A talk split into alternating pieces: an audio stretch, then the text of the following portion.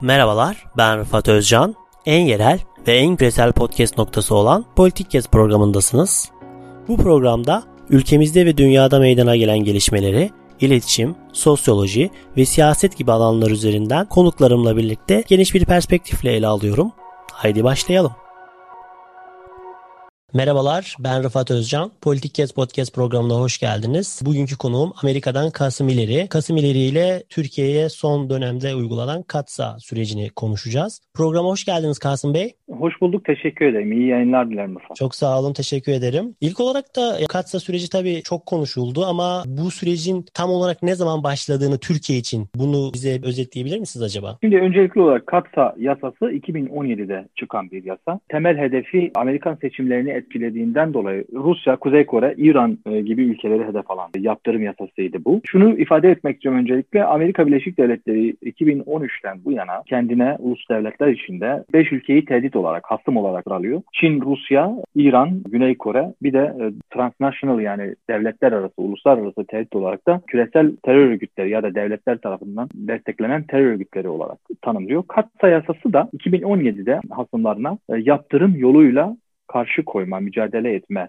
yasası olarak geçiyor ismi zaten. Ancak Çin'i zikretmiyor. Sadece e, burada Kuzey Kore, İran e, ve Rusya'yı zikrediyor. Bunun e, Katsa yasasının ikincil yaptırımları olarak 231. maddesinde de şöyle bir ifade geçiyor. Bu ülkelerin savunma şirketleriyle veya istihbarat sektörüyle doğrudan iş yapan kişi ve kurumların yaptırım listesine alınması ifadesi var. Burası önemli bir nokta. Bu dolayısıyla sadece bu ülkelerin şirketleri değil aynı zamanda dışarıdan bu ülkelerle, bu şirketlerle iş yapan ikincil ya da üçüncü taraf ülke ve kurumları da ya da şirketleri de e, kapsıyor anlamına geliyordu. Türkiye için başlangıç noktası aslında bu maddeden kaynaklanıyor ve Türkiye 2017'den itibaren S-400 konusunda görüşmeye başladıktan hemen sonra Amerika'da, Amerika tarafı da Türkiye bu konuda yaptırım uygulayacağını defaatle ifade etmişti ve katsa kapsamına gireceğini e, söylüyordu.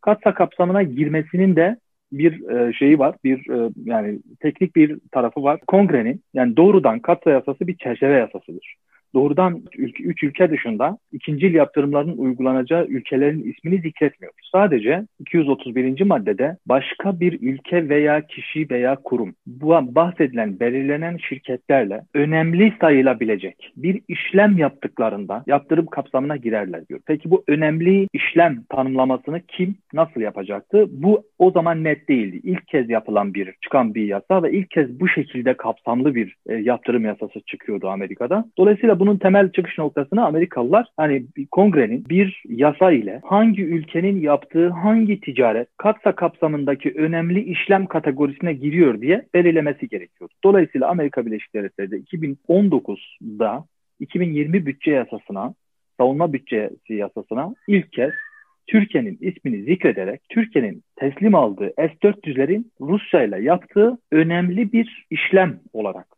tanımlandığını, dolayısıyla bu kapsamda Türkiye'ye belirtilen, yasada belirtilen 12 maddeden 5'inin uygulanması gerektiğini başkandan talep etmişlerdi. 180 gün içinde talep ediliyordu. Fakat Trump bunu uygulamamıştı o zaman. Bekletiyordu. Şu anda 2021 bütçe, savunma bütçesi yasasında da aynı şekilde bu e, madde e, talep söz konusu bu şekilde talep ediliyor. Yine 12 maddeden 5'inin uygulanmasını istiyor ve bu sefer de 30 gün içinde uygulanmasını talep ediyor bu yaz. Dolayısıyla toparlayacak olursam ilk kez Türkiye 2017'den itibaren S-400 anlaşmalarını ve S-400 görüşmelerini başlattıktan sonra Amerikalılar şifai olarak, sözlü olarak söylüyorlardı. Fakat ilk kez 2019'daki Ulusal Savunma Yetkilendirme Yasası olarak da adlandırılan savunma bütçe yasasının metninde yer aldı teknik olarak ve Türkiye'ye yaptırım meselesi ilk kez yasal olarak, resmi olarak orada gündeme geldi. Şimdi bu katsa yaptırımları yaptırımlarıyla beraber ilk defa bir NATO ülkesine bunlar uygulandılar ve Türkiye artık hasım devlet olarak kodlanıyor yani bir yerde. Yani bunun sonuçta İran'a, Kuzey Kore'ye ve Rusya gibi ülkelere e, uygulanıyor sizin de bir önce de, dediğiniz gibi. Bunun Türkiye-Amerika ilişkilerindeki siyasi anlamı ne e, size göre? Teknik olarak baktığınızda yasa kapsamında Amerika'nın hasımlarıyla iş yapan bir ülke olarak kodlanmış oluyor Türkiye. Yani Amerika'nın hasımları olan Rusya, Kuzey Kore, İran ile iş yapan bir başka bir devlet gibi kodlanıyor. Doğrudan hasım demesek de dolaylı olarak hasımlarıyla işbirliği tutan işte düşmanımın dostu düşmanımdır kavramsal olarak o çerçeveden baktığımız zaman dolaylı olarak Türkiye'de evet hasım e, şeyine girmiş oluyor. Hasım kategorisine alınmış oluyor. İlk kez bir de NATO çerçevesinde bir ülkeye Amerika Birleşik Devletleri bir yatırım uyguluyor. Bu tabii daha önce Brunson yaptırımları falan da vardı ama buradaki durum daha stratejik ve askeri anlamda bir şey, yaptırım olduğu için ilk kez yani dolayısıyla bir Amerika Birleşik Devletleri bir NATO ortağıyla stratejik bir konuda anlaşmazlığa düşüp ve bu ülkeye yaptırım uyguluyor. Daha önce de e, tabii bu Kıbrıs 1974'te Kıbrıs'ta şey karşılıklı olarak Yunanistan'a ve e, Türkiye, Kıbrıs Rum yönetimine ve Türkiye e, yönelik silah ambargoları söz konusuydu. Ancak doğrudan Türk kurumlarını ve doğrudan Türk savunma sanayini hedef alan bir yaptırım değildi. Türkiye belli ölçülerde o zaman yine Amerika ile şeyler yapıyordu. Belli ölçülerde bazı ticari işlemler yapıyordu. Ancak Katsa yaptırımları kapsamında ilk kez Katsa yasası bir NATO ortağına yaptı, yani uygulanmış oldu. Bunun siyasi olarak karşılığı elbette ki NATO Genel Sekreterinin de açıkladığı şekilde bu Türkiye NATO'da e, ciddi bir çatlağa yol açacak e, siyasi olarak e, Türkiye ile yani zaten bir süredir devam eden NATO'da ciddi bir çatlak söz konusuydu. Siyasi anlamda bunlar karşılıklı tartışmalar, karşılıklı haritalar üzerinde anlaşmazlıklar, savunma planları konusunda Türkiye'nin taleplerinin kabul edilmeyip Türkiye'nin de bazı NATO taleplerini e, geri çevirmesi durumları söz konusuydu. Siyasi olarak şifayen bunlar daha çok e, e iç tartışmalarda bir şey söz konusuydu, bir tansiyon söz konusuydu. Türkiye'nin NATO'da aynı zamanda Yunanistan'la, aynı zamanda Fransa'yla da e, ciddi şu anda problemleri var. Ancak böyle bir yasayla Türkiye'nin yatırım kapsamına alması NATO içerisinde ciddi bir çatlaklık çatlak oluşturacak şu anda. Çünkü Türk savunma sanayi bir şekilde Amerika ile bir şekilde Avrupa ile işbirliği yapmak e, durumunda ve bu durumlarda da bu bu tür teknik sorunlardan kaynaklı yani bu yaptırımlardan kaynaklı buralarda belli çatlaklar oluşacak. Türkiye ile e, NATO arasında belli bir perde örülmüş olacak. Türk-Amerikan ilişkileri bakımındansa benim kanaatim önemli ölçüde şey olarak, zihinsel olarak Türkiye ile Amerika e, belli bir yol ayrımına geldiğinin en net tezahürüdür. Çünkü artık Türkiye ile Amerika'nın karşılıklı olarak birbirine güvenmediği meselesi bir yasa ile bu şekilde ortaya çıkmış oluyor. Amerika Birleşik Devletleri yasada yani bu meseleyi S-400 konusunun Amerika'ya tehdit teşkil ettiğini, Amerikan teknolojisine tehdit teşkil ettiğini iddia ediyor. E, Türkiye'de bu konuda teknik olarak bunun çözülebilecek bir konu olduğunu ifade etse de Amerikan siyaseti bu konuda kesin ve maalesef Washington'da bu konu teknik bir askeri konudan çok artık siyasal daha çok stratejik bir konu haline getirilmiş. Artık Türkiye'nin ittifaktaki Türkiye'nin Amerika ile ittifakını tartışmaya açmış durumda. E, bu anlamda bunun bir yasa olarak ortaya çıkmış olması ve bir uygulamaya dönüşmüş olması elbette ki son yıllarda Türk-Amerikan ilişkilerinin tarihinde en kritik dönemeçlerden biri olarak görülebilir diyebiliriz. Son söyledikleriniz çok önemliydi. Bunun dışında Türkiye dışında Hindistan ve Malezya gibi ülkelere de e, uygulanma e, ihtimali ya da uygulanacak sanırım e, bu katsa yaptırımları da yine Rusya ile çeşitli anlaşmalardan dolayı. Bu noktada bir de şeyi sormak istiyorum yani şu an Trump sizin de bahsettiğiniz gibi daha önce bekletmişti bu yaptırımları. Şu an tekrardan e, bunları e, işleme aldı kongrenin kararı sonrası. Biden gelmeden bu yaptırımların çıkmasının Türkiye için nasıl okunabilir? Yani Türkiye tarafından özellikle. Evet yani şöyle sonuç itibariyle zamanlaması bana biraz manidar geldi. Çünkü Türkiye Amerika'nın özellikle Doğu Akdeniz konusunda Pompeo'nun çok ciddi anlamda Türkiye'nin duruşundan rahatsız olduğunu biliyoruz. Hatta Pompeo İstanbul'a gelmişti ve İstanbul'da dolayısıyla Türk mevkidaşıyla yani Sayın Çavuşoğlu'yla İstanbul'da görüşmek istediğini ancak Çavuşoğlu'nun da Ankara'ya gelmediği sürece kendisinin İstanbul'a kalkıp Pompeo'yla gidip Pompeo'yla görüşmeyeceğini ifade ettiği basına yansımıştı. Dolayısıyla bir kesim bunun Pompeo'nun etkisiyle bugün gündeme getirildiğini iddia ediyor.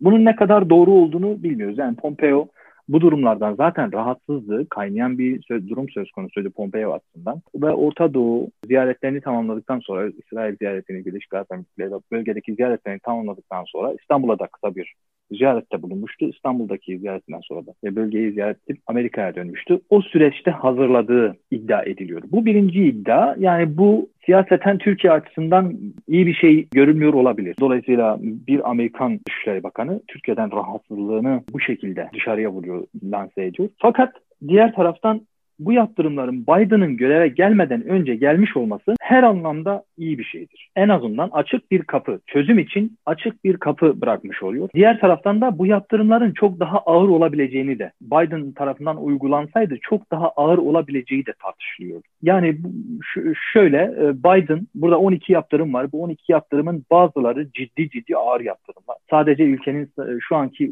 şu an uygulanan yaptırımlar sadece savunma sanayinin e, Amerika ile ticaretini kısıtlıyor.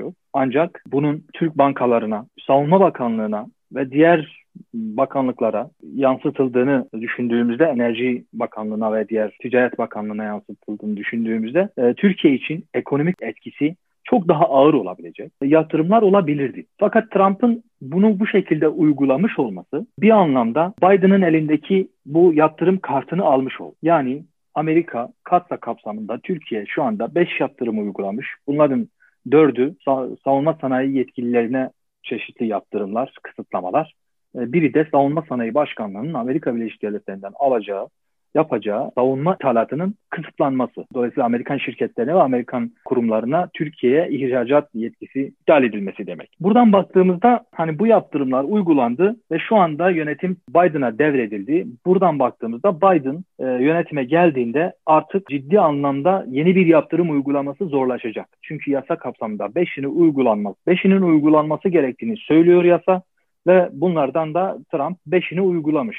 Ha Biden teknik olarak yeniden bir şey yapabilir mi? Yapabilir teknik olarak ama siyasi olarak bunun bir anlamı olmayacak. Çünkü ikinci kez aynı konudan, aynı meseleden herhangi bir değişiklik yokken yapması şey zemini, meşruiyet zeminini bitirdiği için Biden'ın bu anlamda eli, eli ciddi anlamda zora girmiş olacak. Biz biliyoruz ki Biden gelmiş olsaydı ve bu yaptırımlar Biden'a bırakılmış olsaydı, Biden kendisi bir tabii ki uzun yıllar Senato Dış İlişkiler Komitesi'nde görev yapmış. Dolayısıyla devleti bilen, diplomasiyi bilen, diplomasinin nasıl ilerlemesi, ittifakları bilen, stratejik ittifakların ne anlama geldiğini bilen birisi olarak biliniyor ancak sonuç itibariyle Biden'ın arkasında ciddi bir progresif kanat var. Bunların tamamının Amerikan Senatosu'nda zaten ve kongresinde zaten Türkiye'ye destek verecek kongre üyesi sayısı 2'dir 3'tür yani çok ciddi kimse yok Türkiye'nin arkasında durabilecek. Bir de kongredeki bu demokratların ağırlıkları, Biden yönetimindeki etkileri ve Biden yönetimindeki o progresiflerin bir şekilde e, doluşmuş olması bir anlamda Türkiye için çok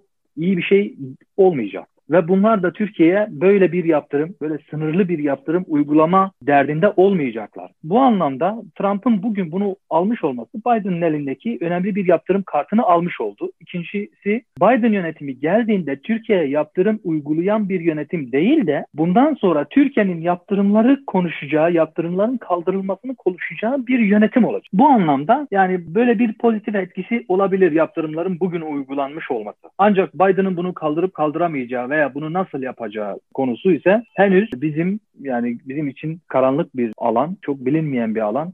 Çünkü Biden göreve geldikten sonra Türkiye ile nasıl bir diplomatik ilişki kuracağını bilmiyoruz. Sadece bildiğimiz kadarıyla muhalefeti destekleyeceğini ifade etmiş e, bir iki yerde Türk Türkiye'deki hükümetin devrilmesi gerektiğini ifade etmiş. Dolayısıyla Biden göreve geldiğinde zaten Türkiye için hani ciddi anlamda kaygılar var ama Biden'ın nasıl bir diplomatik ilişki kuracağını bilmediğimiz için önümüzdeki süreçte Biden göreve geldikten sonra Türkiye'nin en azından Biden'la müzakere etmek için elinde bir yaptırım dosyası ve bunların kaldırılması olacak diye bakıyorum ben. Bir öncesi de ekonomik yaptırımların da olduğunu söylediniz ama ekonomik yaptırımların bu sefer uygulanmadığını e, söylediniz bu katsa e, kapsamında. E, bizim bildiğimiz üzere 2018 yılının Temmuz ya da Ağustos ayıydı ve Rahip Brunson davası çerçevesinde Türkiye'ye çeşitli ekonomik yaptırımlar uygulandı ve Türkiye'nin ekonomisini büyük oranda olumsuz olarak etkiledi. Yani şu an yani o Rahip Brunson döneminde uygulanan yaptırımlarla bu katsa yaptırım durumlarını karşılaştırabilir miyiz dersem neler söyleyebilirsiniz acaba? Şöyle, Rahip Brunson döneminde yap, uygulanan yaptırımlar tabii bazı yetkililere yine aynı şekilde çeşitli yaptırımlar vardı ama en kritik yaptırımlardan biri Türkiye'den çelik ithalatının ithalatına yönelik gümrük vergilerinin %50'ye çıkarılması. Bu aslında çok dengesiz bir girişimdi. Yani Amerika Çin'e bile %25 oranında çelik ve çelik ürünlerinin ithalatı konusunda gümrük vergisi uyguluyordu. Türkiye ise bunu %50'ye çıkarmıştı. Bu anlamda Türk dolayısıyla özel sektörünü etkileyen önemli bir konuydu bu. Çünkü Türkiye'nin Amerika ile ticaretin, ticaretindeki önemli kalemlerden biri de e, demir çelik ihracatı. Dolayısıyla o kaleme öyle bir darbe vurulması her anlamda Türk ekonomisine ciddi bir manipülatif etkisi de vardı. Doğrudan teknik etkisi de vardı. Her yaptırım muhakkak bir manipülatif etkiye yol açıyor. Yani bugün Fransa'nın yaptırımları da, Katsa yaptırımları da manipülatif olarak Türkiye'de bir psikolojik etkiye, e, Türkiye'deki, Türkiye'deki piyasalara, e, yatırımcılara yönelik bir psikolojik etki yaratmıştır. Fakat o yaptırımlar da doğrudan Türk özel sektörünü de hedef alan, daha geniş bir sektörü hedef alan yaptırımlardı. Şu bu ise savunma sanayini Amerika'da doğrudan askeri satışla ilgili lisanslarının iptaliyle ilgili. Dolayısıyla Türk yani Türk e, halkının veya doğrudan Türk özel sektörünün yatırımcılarının doğrudan etkilemeyen bir durumdur. Şöyle orayı biraz açayım. Şimdi Amerika Birleşik Devletleri iki türlü e, askeri satış yapıyor. Bunlardan biri Foreign Military Sale olarak biliniyor. Bu da yani doğrudan Amerikan Birleşik Devletleri bir başka devlete anlaşmayla bir silah satıyor. Diğer konuysa e, Direct Commercial Sale dedikleri direkt özel satış demek. O da şöyle bir şeydir. Türkiye müttefik olduğundan dolayı Amerika'daki e, savunma şirketlerine doğrudan ulaşıp bu şirketlerle savunma anlaşması yani bir parça, bir teknoloji, bir yazılım anlaşması yapabiliyor. Dolayısıyla bunu aslında kısıtlanan nokta bu direkt yani Amerikan şirketlerinin Türkiye ihracat yapma lisanslarına hedef alan bir durumdur. Bu anlamda etkisi sınırlı, Türk ekonomisine etkisi sınırlı. Zaten teknik olarak uygulanması da sınırlı olan bir meseledir. Şunu da bilmiyoruz. Yani şu anda Türkiye kaç kalem Amerika Birleşik Devletleri'nden kaç kalem doğrudan özel alım yapıyor onu bilmiyoruz. Türk savunma sanayinin tabii kendine has bir şeyi vardır. Yani ortaklaşma teknoloji paylaşımları ve teknoloji paylaşımları üzerinden millileşme hamlesi söz konusudur. Dolayısıyla bazı Avrupa ülkeleriyle çalıştığını, bazı Avrupa ülkelerinden çeşitli yazılımlarla ilgili, çeşitli teknolojilerle ilgili anlaşmalar yapıp daha sonra bu anlaşmalar, bu teknolojileri millileştirmek üzere çalıştığını biliyoruz. Amerika ile bunun boyutu nedir bilmiyoruz. Diğer taraftan zaten kongrede, Amerikan kongresinde yaklaşık iki yıldır Türk savunma sanayine, herhangi Türk savunma e, sanayi başkanlığına herhangi bir askeri satışın yapılmasına izin verilmiyor. Yani kongrede satışlar şöyle yapılıyor, talep oluyor. Türkiye bir satı, alım yapmak istediğini ifade ediyor. Bunlar da anlaşmanın yani yapılacak satışın detaylarını detaylandırılıyorlar. Yani kaç para olacak, kaç parça olacak, nasıl olacak, nasıl işleyecek bunu da yapan Savunma Güvenlik e, İşbirliği Ajansı. Bu ajans bunu toparladıktan sonra kongreye veriyor. Kongrede de dört ko- komite var. Silahlı Kuvvetler Komitesi, Temsilciler Meclisi ve Senato, Dış İlişkiler Komitesi, Temsilciler ve Senato. Dolayısıyla her iki kanatta ikişer komite. Bu komiteden herhangi bir üye NATO üyesi olduğu için Türkiye o komitedeki herhangi bir vekil veya senatör bir telefonla bile arayıp bu satışı iptal ediyorum diyebiliyor. Bu satışa karşı çıkıyorum diyebiliyor. 15 gün içinde herhangi bir senatör ben karşı çıkıyorum dediğinde zaten yaptırım olmasa da herhangi bir yaptırım kapsamında olmasa da Türkiye o silah satışı yapılamıyor, gerçekleştirilemiyor ve yaklaşık iki yıldır da kongredeki bazı bu komitelerdeki bazı üyeler Türkiye yönelik satışları engellediği ortaya çıktı. Dolayısıyla zaten Türkiye'nin iki yıldır Türk savunma sanayisinin iki yıldır karşı karşıya kaldığı bir durumu biraz daha resmileştirmişler şu anda. Bu anlamda Türk savunma sanayisine doğrudan bir etkisi olmamakla birlikte Türk ekonomisinin geneline de manipülatif, sansasyonel etkisi varsa onu bilemeyiz ama teknik doğrudan bir etkisi olmayacak. Açıklamada da zaten onu ifade ediyor. Türkiye'nin çatışma gücüne, savaş gücüne gücünü kısıtlayacak ya da savaş gücünü engelleyecek bir yaptırım değildir diyor bu yaptırım. Daha sonra biz e, öğrendiğimiz kadarıyla bazı e, e, yani arka plan e, şeylerinde, briefinglerinde şunu öğreniyoruz. Yani Türkiye'nin şu anda devam eden F-16 ile ilgili bazı parçalar ve anlaşmalar bunlar devam ediyor olacak. Türkiye'nin bu buradaki katılımlarına herhangi bir tehdit söz konusu değil. Bundan sonraki lisanslar iptal edilmiş. Mevcut lisanslar ortadan kaldırılmıyor. Hatta Türk şirketlerinin, bunu da İsmail Demir söylemişti, e, Savunma Sanayi Başkanı. E, yani Türk şirketlerinin şu anda F-35 programına sağladığı parçalara bile bu yaptırım etki etmeyecek. Bundan sonra yani o yapılan anlaşmalardan sonra yeni bir ihracat ve yeni bir ihracat lisansının verilmeyeceği ifade ediliyor. Dolayısıyla etkisi bu anlamda Brunson e, yaptırımlarıyla karşılaştığında çok ciddi anlamda sınırlı. Etkisi bakımından da manipülatif etkisinden teknik etkisi itibariyle büyük bir etkisi olmayacağını düşünüyorum. Gayet etraflıca e, açıkladınız. Aslında dediğiniz gibi ya, olan şeyin resmileştirilmesi oldu. Belki belli noktalarda da açıkladığınız üzere. Peki biz Katsa sürecinin işte nasıl yürürlüğe konduğunu biliyoruz. Yani siz de e, bahsettiniz ilk soruda. Yani peki mesela bu Biden döneminde ola ki işte bu iptal edilmesi ya da geri çekilmesi gerekti. Yani teknik olarak nasıl ilerliyor süreç? Bu Katsa yatırımları Türkiye için nasıl kalkar diye sormuş olayım. Bu tabii süreli bir durum değil. Sadece e, Türk savunma e, sanayine kredi verilmesi konusunda bir 12 ay vade meselesi söz konusu. Yani 12 ay vadeyle genelde bu borçlar verildiği için, bu krediler verildiği için bu ifade söz konusu. Onun dışında sınır şeydir yani süresizdir. Nasıl kalkar? Yasada şöyle ifade ediliyor. Başkan veya başkanın görevlendirdiği Dışişleri Bakanlığı veya Savunma Bakanlığı ortak bir rapor hazırlayıp Türkiye'nin bu yaptırımlardan, daha doğrusu bu alımlardan, S-400 alımlarından vazgeçtiğini ve belirlenen daha önce savunma sanayi, e, daha doğrusu daha önce savunma yetkilendirme yasasında yaptırımların uygulanıp ve Türkiye'nin S-400'leri tekrar S-400 programından tamamen çekilip S-400'leri ülke dışına çıkardığını teyit edene kadar bu yaptırımların kalmasını, şu an gelen yasa da aynı şekilde. Türkiye uygulanan yaptırımların Türkiye S-400 programından vazgeçtiğini Rusya ile alımlarını kestiğini, Rusya ile bir ticari ilişki yani savunma ticareti e, yapmadığını e, ve bu girdiği programı da tamamen iptal edip dağıtıp bu sistemleri geri gönderdiğini, ülke dışına çıkardığını teyit edene kadar bu yaptırımların kalmasını istiyor. Hatta e, başka bir şey daha da var.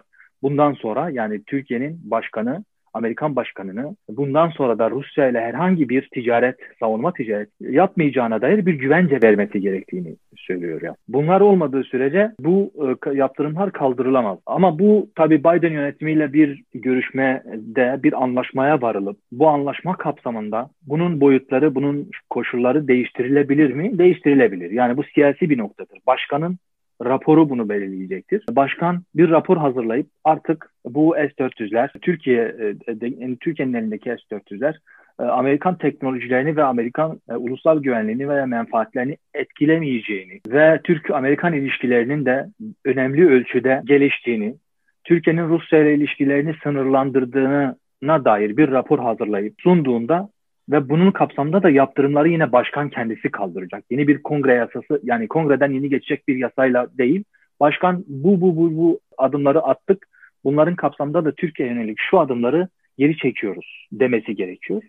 Bunun dışında özel bir başka yani yasal bir koşulu söz konusu değil. Tamamen siyasetin hazırlayacağı bir programla e, kaldırılabilir. Son olarak da yani bir toparlayıcı bir soru olarak da yani bundan sonra sizin öngörünüz ne? Yani bu katsa yaptırımları konusunda Türk-Amerikan ilişkilerine bundan sonra ne bekliyor bu anlamda sizce? Amerika Birleşik Devletleri'nin böyle bir siyaseti sürdürmesi mümkün değil. Bir şekilde Türkiye ile anlaşmak. Dolayısıyla tehdit bugüne kadar tehdit vardı. Bu tehdidin zaten etkisi de ciddi anlamda Türkiye'nin tepesinde bekleyen demokrasinin kılıcı gibiydi her an kopabilecek, her an gelebilecek bir durumdaydı. Bu da ciddi anlamda Türkiye'de bir tedirginlik oluşturuyordu. Fakat tehdit bitti artık. Şimdi Türkiye ile Amerika pazarlık yapmak durumunda. Pazarlık pazarlık masasına oturacak. Ben son 2013'ten bu yana e, Amerika'nın artık savunma stratejisini, ulusal güvenlik stratejisini ciddi anlamda terörizmden, Orta Doğu'daki o terörle mücadeleden çevirip Çin'le mücadeleye, Rusya'ya mücadeleye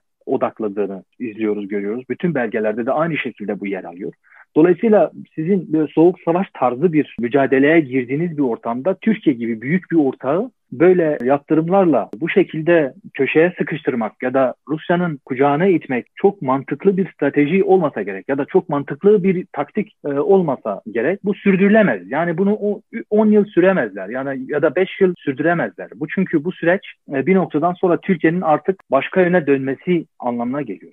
Ve Türkiye'nin savunma sanayi hamlesi yer, yer, yani yerli savunma sanayi, yerli ve milli savunma sanayi hamlesinden de vazgeçmeyeceğini pek ala biliyorlar. Türkiye'nin de bölgede bu yerli savunma sanayi hamlesiyle neler yaptığını Türkiye'de farkında, Amerikalılar da farkında. Bakın Libya'ya bakın. Türkiye şu anda NATO'nun bile yapamayacağı, NATO normalde şöyle bir örnek vereyim. NATO normalde en büyük tatbikatı, askeri tatbikatı 3 kol orduyla yapılır. Kara ko, e, orduları için diyorum ben. Üç kol orduyla yapılır. Türkiye şu anda 5 kol orduyla 5 farklı cephede savaş yürütüyor. Akdeniz'deki donanma meselesinden bahsetmiyorum. Akdeniz'deki donanma meselesi ayrı. Doğu Akdeniz'deki bu donanmanın girdiği şeyler, girdiği gerilimlerden bahsetmiyorum. Türkiye'nin elindeki teknolojiler artık bir yani önemli ölçüde sahada oyunu değiştiren, oyunun kurallarını değiştiren bir duruma gelmiş durumda. Amerikalılar Afrin operasyonunda, e, İdlib operasyonunda pardon, İdlib operasyonunda e, Türk e, SİHA'larının e, Esed tanklarını vurduğu zaman ben hatırlıyorum Pentagon'da yani albaylar, yarbaylar falan bir ortamda konuşurken şunu gördüm yani. Adamlar diyorlar ki artık Türk SİHA'ları gösterdi ki tank bir yani şu zorlu hedefleri, zorlu cepheleri yarmak için kullanılabilecek bir araç olmaktan çıktı. Zırhlı araçların bir anlamı, savaşta bir anlamı kalmadı. Bizim artık bu kara kuvvetlerindeki kitapları, ders kitaplarını baştan sona revize etmemiz gerektiğini düşün, tartışıyorlar. Şimdi Türkiye böyle bir noktaya gelmişken elektronik harp konusunda Türkiye ciddi anlamda bölgede öncü. Deniz araçları konusunda Türkiye şu anda birçok Avrupa ülkesini zorlayacak duruma gelmiş. Zaten SİHA teknolojisi gördüğünüz Azerbaycan'dan tutun Suriye'ye, oradan tutun Libya'ya, bütün bölgede Türk SİHA'larının neler yaptığını gördüler.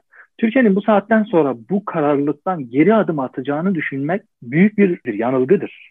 Türkiye dönmeyecek buradan. Amerikalılar da bunu biliyorlar ve görüyorlar. Dolayısıyla Türk dönmeyecek bir ülkeyi de sadece Rusya'nın kucağına itecek bir stratejiyle yönetmek veya ilişkiyi bu şekilde kurmak mantıklı değil. Bir noktadan sonra Amerikalılar S-400 meselesiyle yani S-400'lerle artı Türk yerel Türk savunma araçlarıyla, teknolojiyle yaşamayı, bunun bunlarla iş yapmayı öğrenecekler. Ve en nihayetinde de siyasi olarak çok ciddi bir kırılma noktasına gelinmeden artık tamamen ilişkilerin diplomatik bir şeye gitmeden yani diplomatik bir patlamaya e, gitmeden çözmeye çalışacaklardır diye bekliyorum.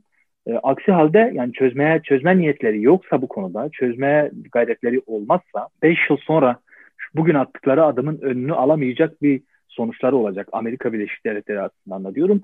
Bütün Batı bloğu açısından da e, söylüyorum. Çünkü baktığımızda bugün Fransa'ya bakıyoruz. Fransa gibi bir ülke Doğu Akdeniz'de adeta Türkiye karşısında aciz kalıp bu sefer Avrupa'da çeşitli yaptırımlarla Türkiye'yi köşeye sıkıştırmaya çalıştı.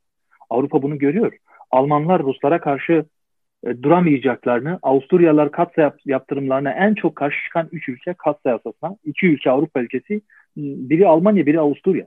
Çünkü Ruslarla bunların ilişkileri var. Ve Amerikalılar da Trump da 4 yıllık başkanlığı döneminde her üzerine geldiğinde NATO konusunu gündeme getirdiğinde Almanya'yı Rusya'ya göz yummakla, Rusya'yla yine anlaşmalar yapmaya, doğal gaz anlaşmaları yapmaya devam etmekle itham edip dolayısıyla bu konuda Almanya'yı eleştiriyor. Şimdi buradan baktığımız zaman Avrupa'nın önünü Rusya'da Rusya'nın önünü Avrupa'da tutacak başka bir kimse kalmamış. Ya Amerika tekrar bütün ittifakı bir araya getirip soğuk savaşa benzer bir düzen oluşturacak. Bu soğuk savaş düzeninde de yine Türkiye'ye çok kritik bir rol verilecek. Ya da Amerika bütün bütün bütün Avrupa'da başta olmak üzere Avrupa'da, Orta Doğu'da, Afrika'da Rusya'ya ve Çin'e yenik düşmüş olacak. E, bu güç dönüşümünün yaşandığı bu dönemde de Amerika'nın böyle bir yaptırımı uygulaması zaten birçok analist tarafından mantıksız olarak görülüyor. Yani siz cepheyi sıklaştırmaya çalışırken, safları sıklaştırmaya çalışırken bir taraftan da önemli ortaklarınıza yaptırımlar uygula, uyguluyorsunuz. Yani Japonya ve şeye karşı Japonya'daki askerleri çekmeye çalışıyorsunuz. Almanya'daki askerleri çekmeye çalışıyorsunuz. Kuzey Kore ile serbest ticaret anlaşmasını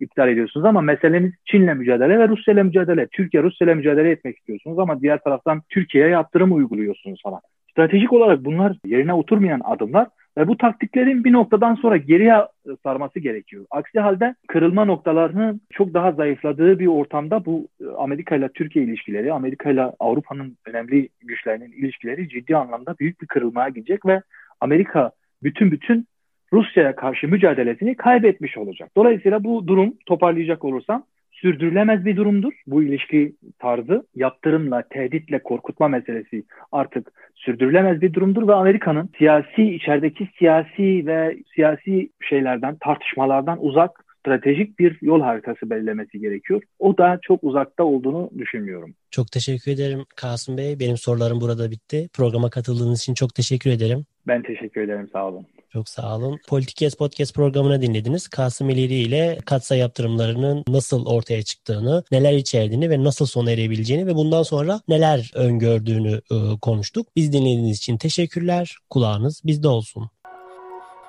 en yerel ve en küresel podcast programı Politik Kesti dinlediniz. Bizi Spotify, Apple, Google Podcast üzerinden ve sosyal medya hesaplarımızdan takip etmeyi unutmayın. Yeni başlıklar ve konuklar için kulağınız bizde olsun.